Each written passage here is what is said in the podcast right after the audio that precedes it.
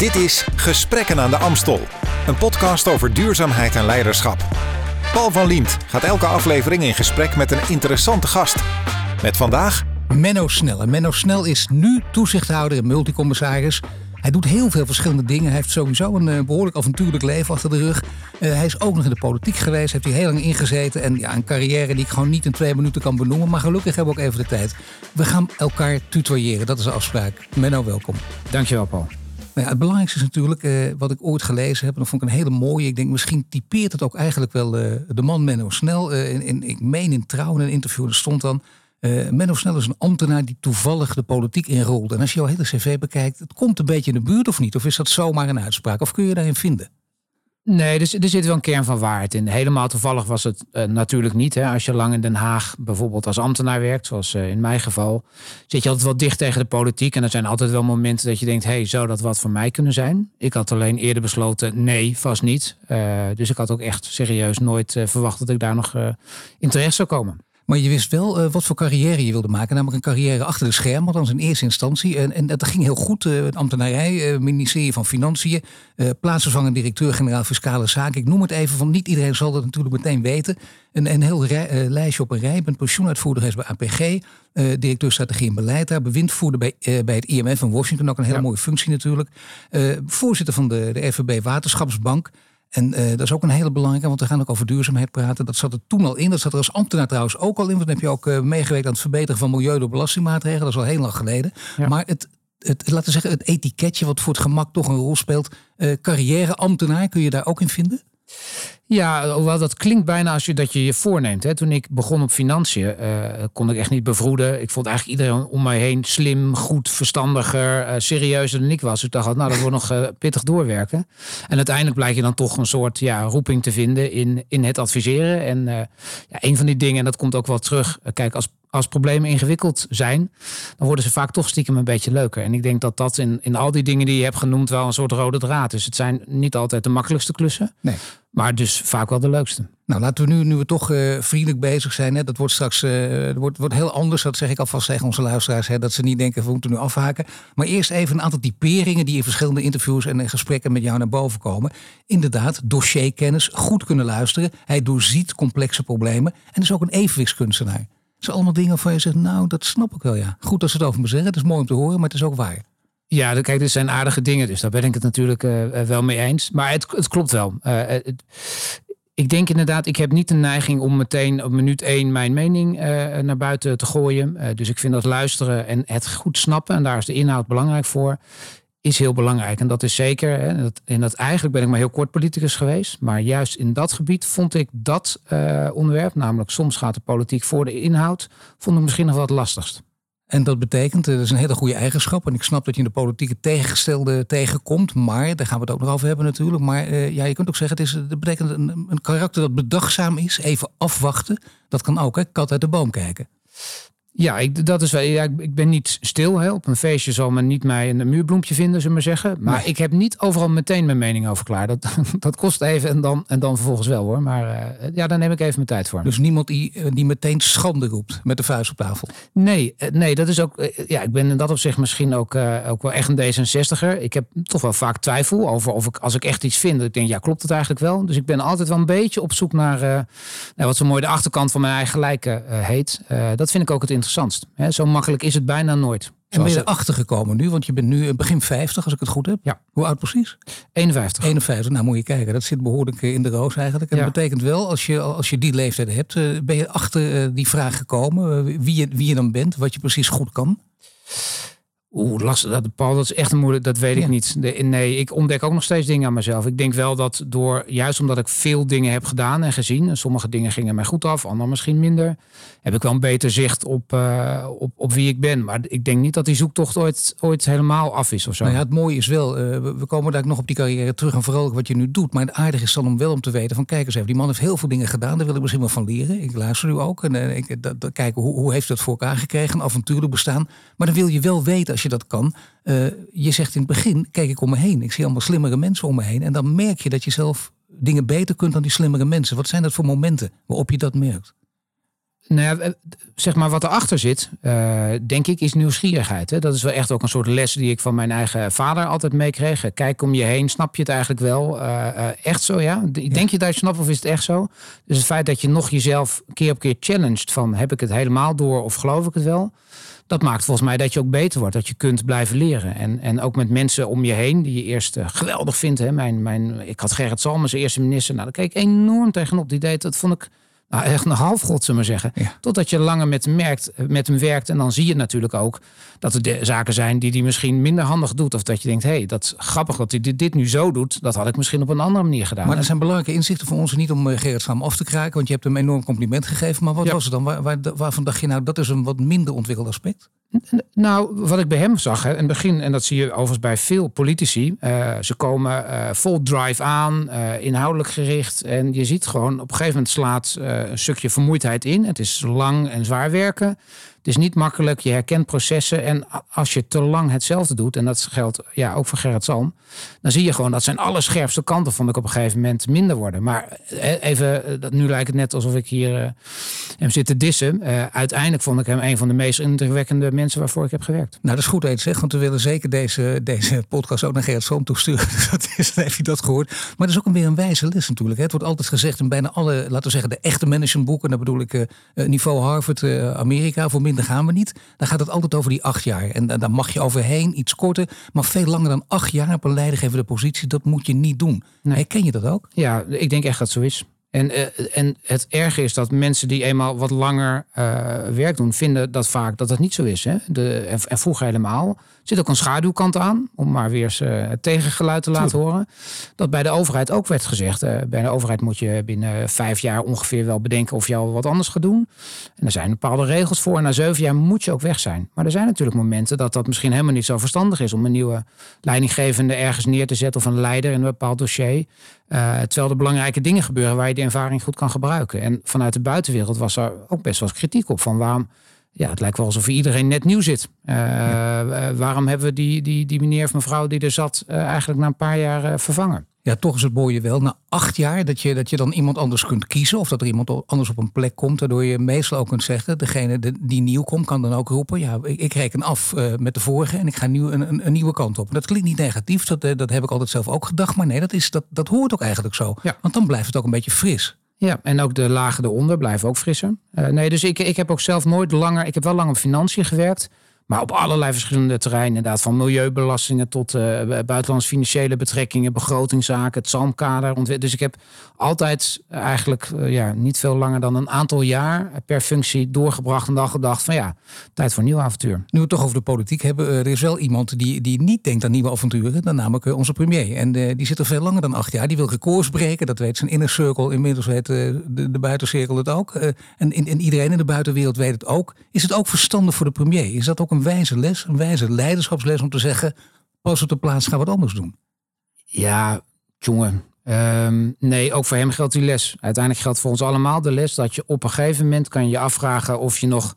Ik vraag het ook wel eens aan medewerkers. Ben je vandaag, voelde je vandaag net zo goed als, als gisteren? Of was afgelopen jaar net zo succesvol voor je als het jaar ervoor? En denk je dat volgend jaar nog succesvoller kan zijn? En op een gegeven moment komt natuurlijk toch een antwoord dat je denkt: ja, misschien ben ik er, uh, heb ik die top al gehad om precies te vinden en te benoemen wanneer dat was, kan je achteraf altijd beter dan tijdens de rit. Maar ook voor, voor Mark geldt, waarvan ik al helemaal niet geloof dat hij serieus eh, echt op een recordboekje uit is. Maar hij, nou. hij, ja, zoals ik hem ken, is dat, eh, past dat uh, niet zo bij hem.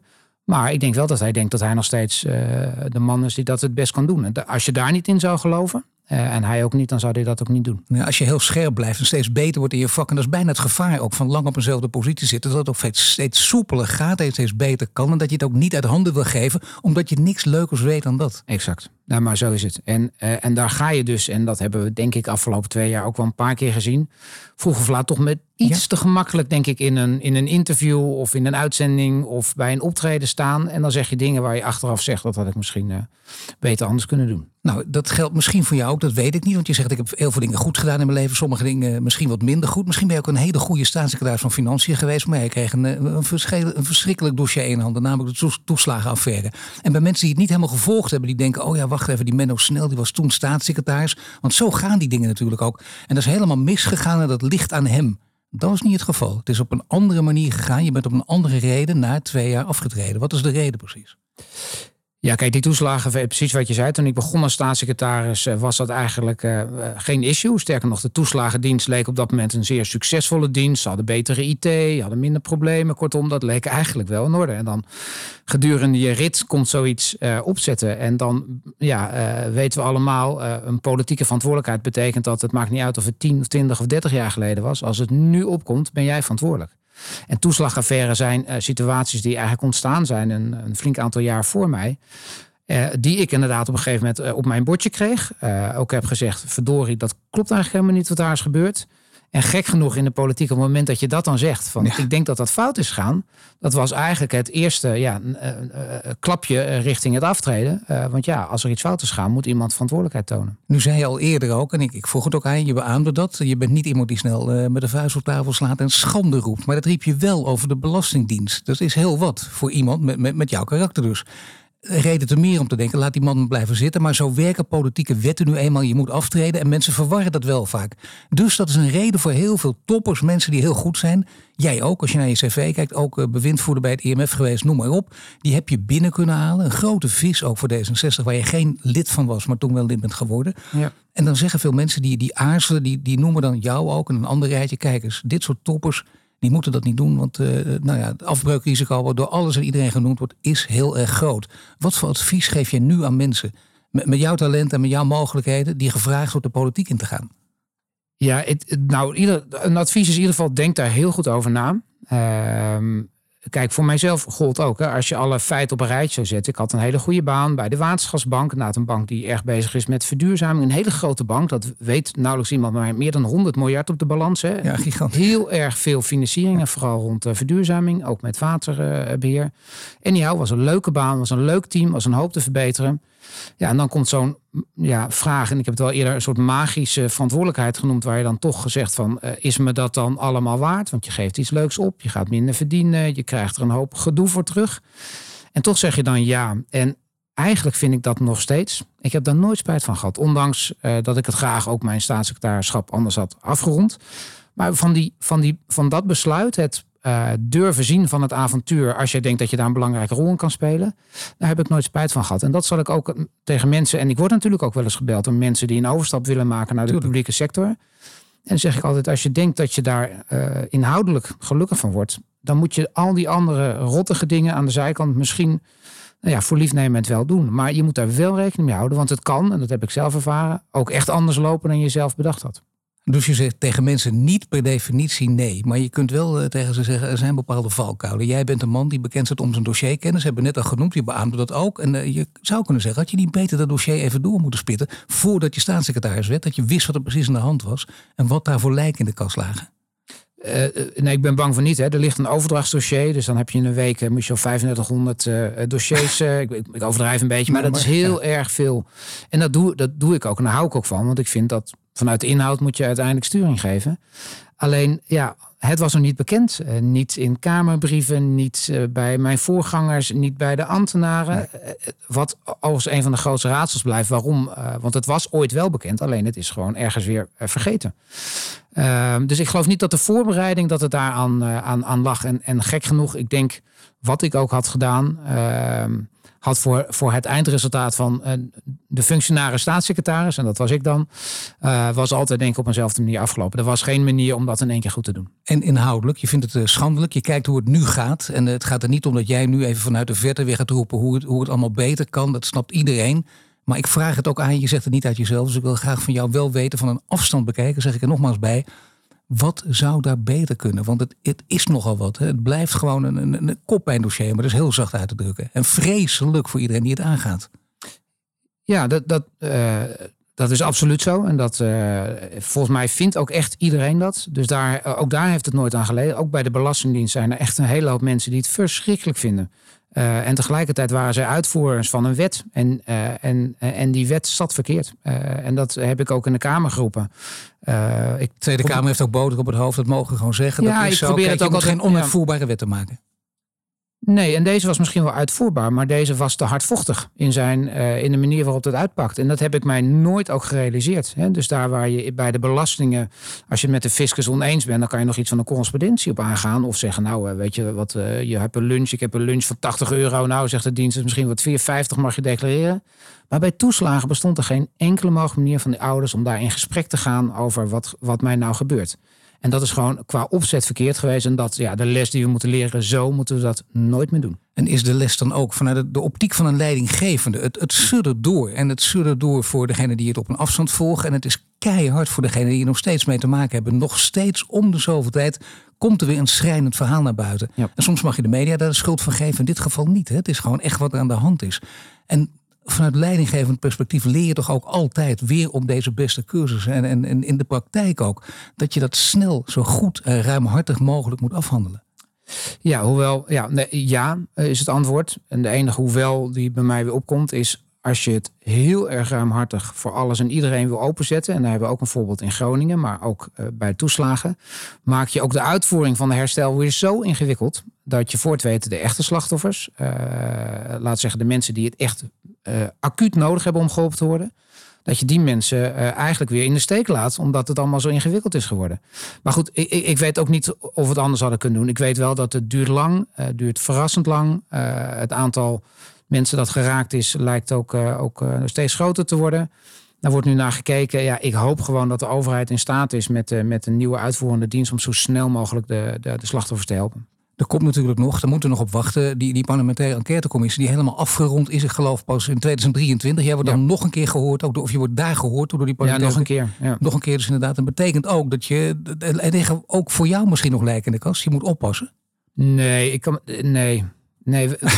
Nou ja, goed. Het is, uh... ja, je, kan, je moet altijd oppassen. Ik nee, maar, dat is, ja. Nee, weet je, ik, ik ben natuurlijk altijd bij geweest. Hè. Mijn realiteit uh, van die zoveel jaar is niet anders geworden... doordat we nu met z'n allen weer uh, meer weten. Nee, maar je is... bent niet pootje geliggen door iemand daar bijvoorbeeld in, nee. die, in, die, periode op dat ministerie. Dat zou bijna niet kunnen, want je hebt natuurlijk die achtergrond. Je weet hoe de hazen lopen. Ja, dat idee heb ik nooit gehad. Het is een hoop knulligheid en daar zit ook een hoop verwijt in. Maar het idee nog steeds heb ik. En misschien wil ik ook graag die naïviteit houden.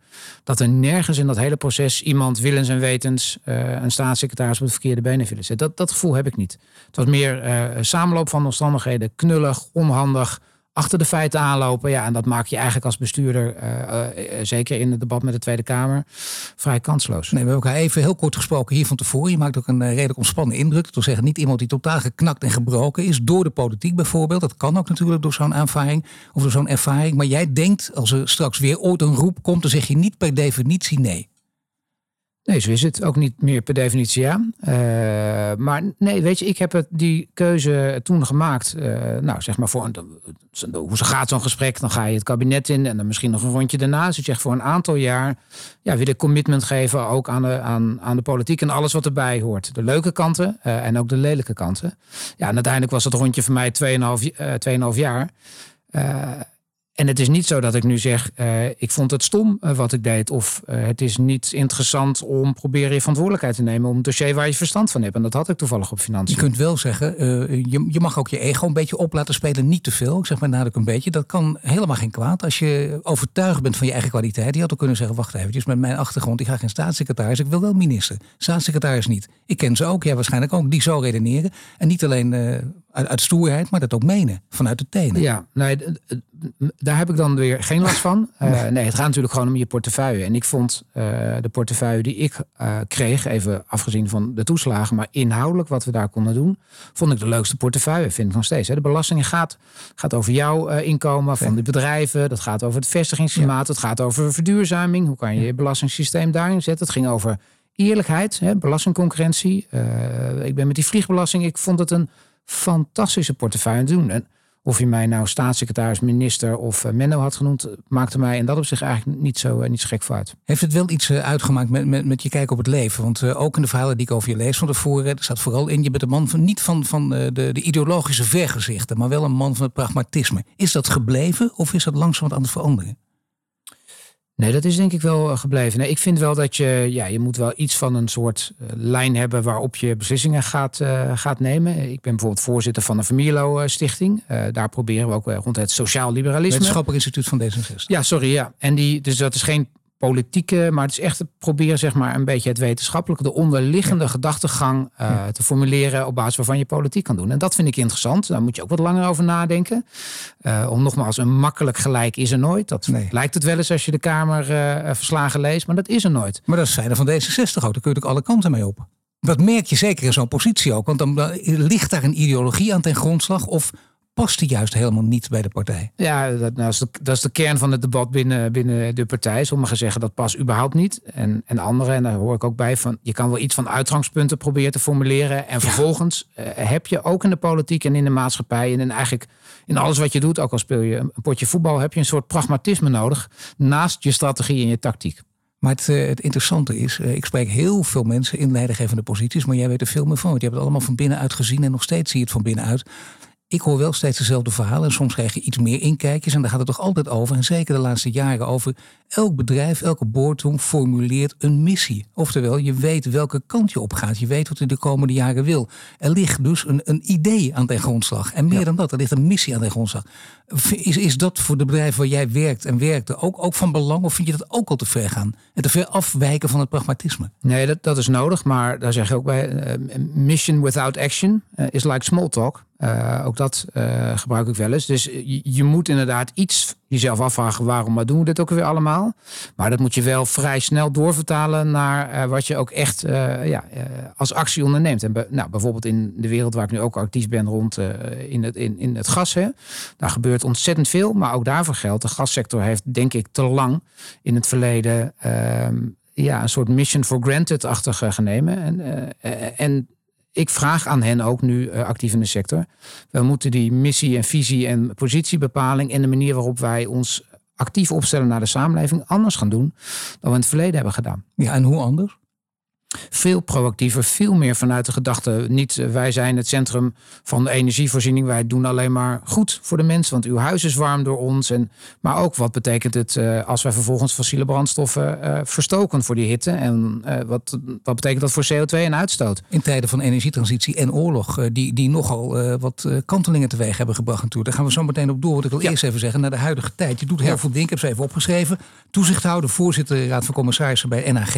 Nationale Hypotheekgarantie. Ja. Als ik eigenlijk onzin vertel, zeg het even. Maar ik probeer het even in mijn eigen samenvatting. Er gaat voor commissaris bij IAC, eh, innovatieve scheepsbouwbedrijven, het kabinet gered door een consortium van bedrijven en investeerders. Die namen het over. Overheid en banken die leverden overbruggingsleningen en ook kredietgaranties. Ja. Die situatie was daar en is daar. Voorzitter, die, dus als die, je... Misschien de, die situatie was zo, maar inmiddels is de overbruggingskrediet aan de staat dus alweer terugbetaald. Uh, dus dat, die afhankelijkheid is er niet meer. Uh, maar het is nog wel zo dat het een bedrijf is wat in moeilijkheden zat en wat nog steeds bezig is met het momentum zoeken om, uh, om naar voren te kunnen schakelen. Goed, nog steeds dus, mag ik even cliché gebruiken, de uitdagende functie. je ja. hoort daarbij. Ja, ja, ja nee, zeker. En dan dus inderdaad voorzitter van Hans van Mierlo Stichting, maar ook Um, je doet ook iets met, met de microkredieten, speelt ook nog een belangrijke rol, inclusieve financiën. Ja, dat, dat, die is inmiddels af en die heb ik moeten opgeven toen ik staatssecretaris werd. Uh, maar daar ben ik ook een tijdje voorzitter van het Nationaal Platform uh, geweest. Dat probeerde inderdaad vanuit de Nederlandse bankensector de microkredieten of de microfinance uh, naar ontwikkelingslanden te geven. Ja, dan krijgen we toch langzaam steeds meer een idee van, van Menno Snel wat hij wil in het leven. Want natuurlijk ook, zoals je zei, ik zit nu in de olie en gas. Nou, dat is een, die moest ik opschrijven. de no, NOGEPA, dat gaat nog wel, maar het is voorzitter van de Nederlandse Olie- en Gas Exploratie en Productieassociatie. Ja. He, zo is hij volledig. gaan we binnenkort veranderen. Dan ga je binnenkort. En wat gaat het worden? Dat kan ik niet vertellen. Maar Jawel, als je, kom op. Als je 16 mei tijd hebt, wil ik dat graag met je delen. Nee, dat kan ik nog niet zeggen. Maar de, nou, zijn. Mag het, hoor. Ja, dat weet ik, maar ik doe het nog niet. maar die wordt makkelijk. Dat wordt iets van drie letters. Nee, ja, kunnen we meteen onthouden. Weet je wat het punt een beetje van die namen zoals nu is? Die is, heeft alle nadruk op olie, gas, exploreren ja. en productie. En dat is wat we deden. Uh, en dat is nog steeds wat we vandaag de dag voor een deel doen. Weg met olie en gas. Ja, dat zou ik zonde vinden. Want uh, ja, op, op termijn uh, gaan we daar absoluut afstand van nemen. Dat moeten we ook en dat willen we ook. Geen enkele twijfel. Alleen uh, het grappige dat probeer ik wel eens uit te leggen. Als je echt Nederland een zo snel mogelijke energietransitie gunt, dan betekent dat we zo veel mogelijk gas moeten gebruiken om bijvoorbeeld maar af te komen van kolen. En natuurlijk het allerbeste is besparen. Hè. Laten we dat is nummer 1, 2, 3, 4 en 5. Maar dat lukt ons niet van de ene dag op het andere. 90% van onze huishoudens uh, die worden nog warm door middel van gas. Uh, en dat willen we allemaal heel graag naar warmtepompen en andere dingen. Maar dat is echt niet binnen twee, drie jaar afgelopen. Dus panelen, zijn langer. panelen zijn enorm aan het schuiven. Juist ook door wat er allemaal nu gebeurt natuurlijk. En steeds meer mensen van je niet verwacht hadden roepen dat toch. Wouter van Dieren bijvoorbeeld, Club van Rome. Inmiddels is hij 102 geloof ik. Uh, excuus als hij luistert. Maar hij is al heel lang niet meer bezig. En ook hij, een paar weken geleden of een paar dagen geleden... meen ik zelfs een NRC Handelsblad, een groot opiniestuk. En hij zegt, uh, nee het gas er meteen vanaf. Ik heb het altijd gedacht, maar dat kan echt niet. We moeten zelfs denken aan die, die aardgasbel bij Slochteren. Ja, dus even nog los van uh, die discussie. Want Groningen is bijna, heeft bijna niets meer met de gas te maken, maar heel erg natuurlijk met de veiligheid van Tuurlijk, de mensen te maken. Uh, maar laat zo zeggen, toen, um, toen we besloten uh, met z'n allen, en ik zat in het kabinet wat dat besloot, om Groningen dicht te gaan doen vanwege de veiligheid van de mensen in de regio, was dat een, een logisch besluit vanuit dat perspectief. Als je kijkt naar onze afhankelijkheid van de energie, moet ik eerlijk zeggen dat ik mij afvraag of we dat toen allemaal helemaal in de breedte hebben overzien. Ja. Uh, hè, dus van een netto-exporteur van gas en energie werden wij heel snel ja. een netto-importeur. Ja, en dan blijkt ook nog uh, van landen zoals Rusland. Uh, en de vraag is, zouden we dat nou niet, terwijl we heel veel gas ook buiten Groningen nog bijvoorbeeld in de Noordzee hebben. En dat is bovendien het schoonste gas ter wereld. Dat is ook nog eens een soort toevalligheid, zou je kunnen zeggen. Dus er zit heel weinig uitstoot bij. We kunnen, het is heel korte vervoerslijntjes, dus je kunt het ook met weinig lekverliezen doen. Dus eigenlijk is dat voor, voor onze gastransitie en, uh, uh, is het een uitkomst. Alleen gas heeft in Nederland een andere politieke dimensie dan de meeste andere landen uh, vanwege Groningen. Die veiligheid speelt inderdaad een grote rol, maar zelfs de Groningers, de bekende enquête, gaven aan. Ja. In dit geval, als we moeten kiezen, ja, dan liever niet afhankelijk van de Russen. En dan mag je hier je slag staan, tussen aanhalingstekens. Ja, maar dus ik denk dus los van Groningen, uh, waar die veiligheidsaspecten uh, blijven spelen, hebben we nog heel erg veel gas. Uh, ja, niet zoveel als in Groningen, maar nog steeds. Hè, we noemen het de kleine velden. En dan zeg ik altijd, maar die zijn niet marginaal. Hè. Uh, dat zijn nog steeds, als je dat in windparken probeert ja. uit te drukken, dat zijn nou ja, twintig grote windparken bij elkaar, wat je soms in een klein veld hebt. Dus dat is niet uh, onbelangrijk. En ik denk dat we daar ook minder shy en minder verlegen in moeten zijn. Om te zeggen, wij willen uiteindelijk van de fossiele brandstoffen af. Daar gaan wij voor, daar staan wij voor. Uh, elk jaar zoveel minder. Maar tot die tijd proberen we het goedkoopste en het beste en het uh, meest schone gas te gebruiken wat we hebben. En dat is Noordzeegas. Maar toch van olie af bijvoorbeeld, dat zegt Shell zelf ook. Uh, nu is het wel zo dat je ook in het bestuur van, van ABP zat. Dat mocht ook niet vanwege belangenverstrengeling. Uh, uiteindelijk is dat een, juridisch verhaal. Juridisch kun je niet anders dan ja zeggen, dat klopt. Maar ja, ook vanuit leidinggevend perspectief. En hoe wij nu naar toezicht kijken, naar nieuwe functies. Is dat, is dat achteraf idioot dat je daar weg moest? Of zeg je van ja, en, en dat het gewoon formeel moest, dan zeg je nou, wat mij betreft, ik had het heel goed kunnen scheiden of samen kunnen laten gaan. Nou, ik denk dat het formeel, uh, hè, we hebben dat destijds toen we besluit namen ook wel getoetst, ook compliance, uh, bijt het elkaar? En het antwoord was toen nee. Ik denk meer dat het probleem was dat het ABP, en dat deed ik zelf ook, hè, heel erg op die verduurzaamheid, uh, verduurzaming zat. Ja. Dus ook in onze portefeuille. En dat een deel van de achterban van ABP zei ja, maar als je voor verduurzaming zijn, dan kan je niet voor en olie en gas zijn. Ja. En in mijn belevenis, en dat is juist de reden ja, dat ik het, deze baan ben gaan doen, is dat juist precies wat je moet doen. Dus de sector die nu het meest te winnen heeft door uh, sneller uh, om te gaan in transitie, daarmee ga je de meeste CO2-winst maken. Maar de aandelen Shell verkopen, daar was je het wel mee eens. En dat zou je ook, als je daar nog had gezeten, was je het helemaal mee eens geweest dat ABP dat deed? Ja, dat heeft. De, de, de, hmm. Lastig, voor mij is dat, dat is lastig om dat te zeggen. Ik, ik heb altijd gezegd, en dat zeg ik dan nu maar weer. Het is voor één dag heel erg fijn om te vertellen dat jij niets meer belegt in fossiel, in olie en gas. En de werkelijkheid is dat de dag daarna iemand anders jouw aandelen heeft overgenomen en jij het stuur uit handen hebt gegeven. Dus ik geloof er nog steeds in dat bij grote transities je juist de verantwoordelijkheid moet nemen, ook als grote pensioen of juist als grote pensioenbelegger, om ook het stuur vast te houden en bedrijven te dwingen op te schieten met hun transitie. Nee, dat en, is nu, heel en nu neem je er afstand van. Ja, nee, maar dat zijn inderdaad twee posities die je kunt innemen met eigenlijk hetzelfde doel voor ogen. Dat betekent alleen als je zegt uh, we nemen er afscheid van, uh, wat uh, ABP dus gedaan heeft, dan doe je dat onder publieke druk. De druk van de publieke opinie was heel groot. Ook in die tijd net twee IPCC-rapporten die, die, die snoeihard waren. Het IEA natuurlijk, ja. energieagentschap dat ook snoeihard was dat die druk moet je daar, als je een goede leider bent, hè, dan moet je ook koersvast zijn. Dan moet je ook uh, bestand zijn tegen publieke opinie. Of moet je uiteindelijk toch maar voor die druk zwichten. Kan dat niet anders?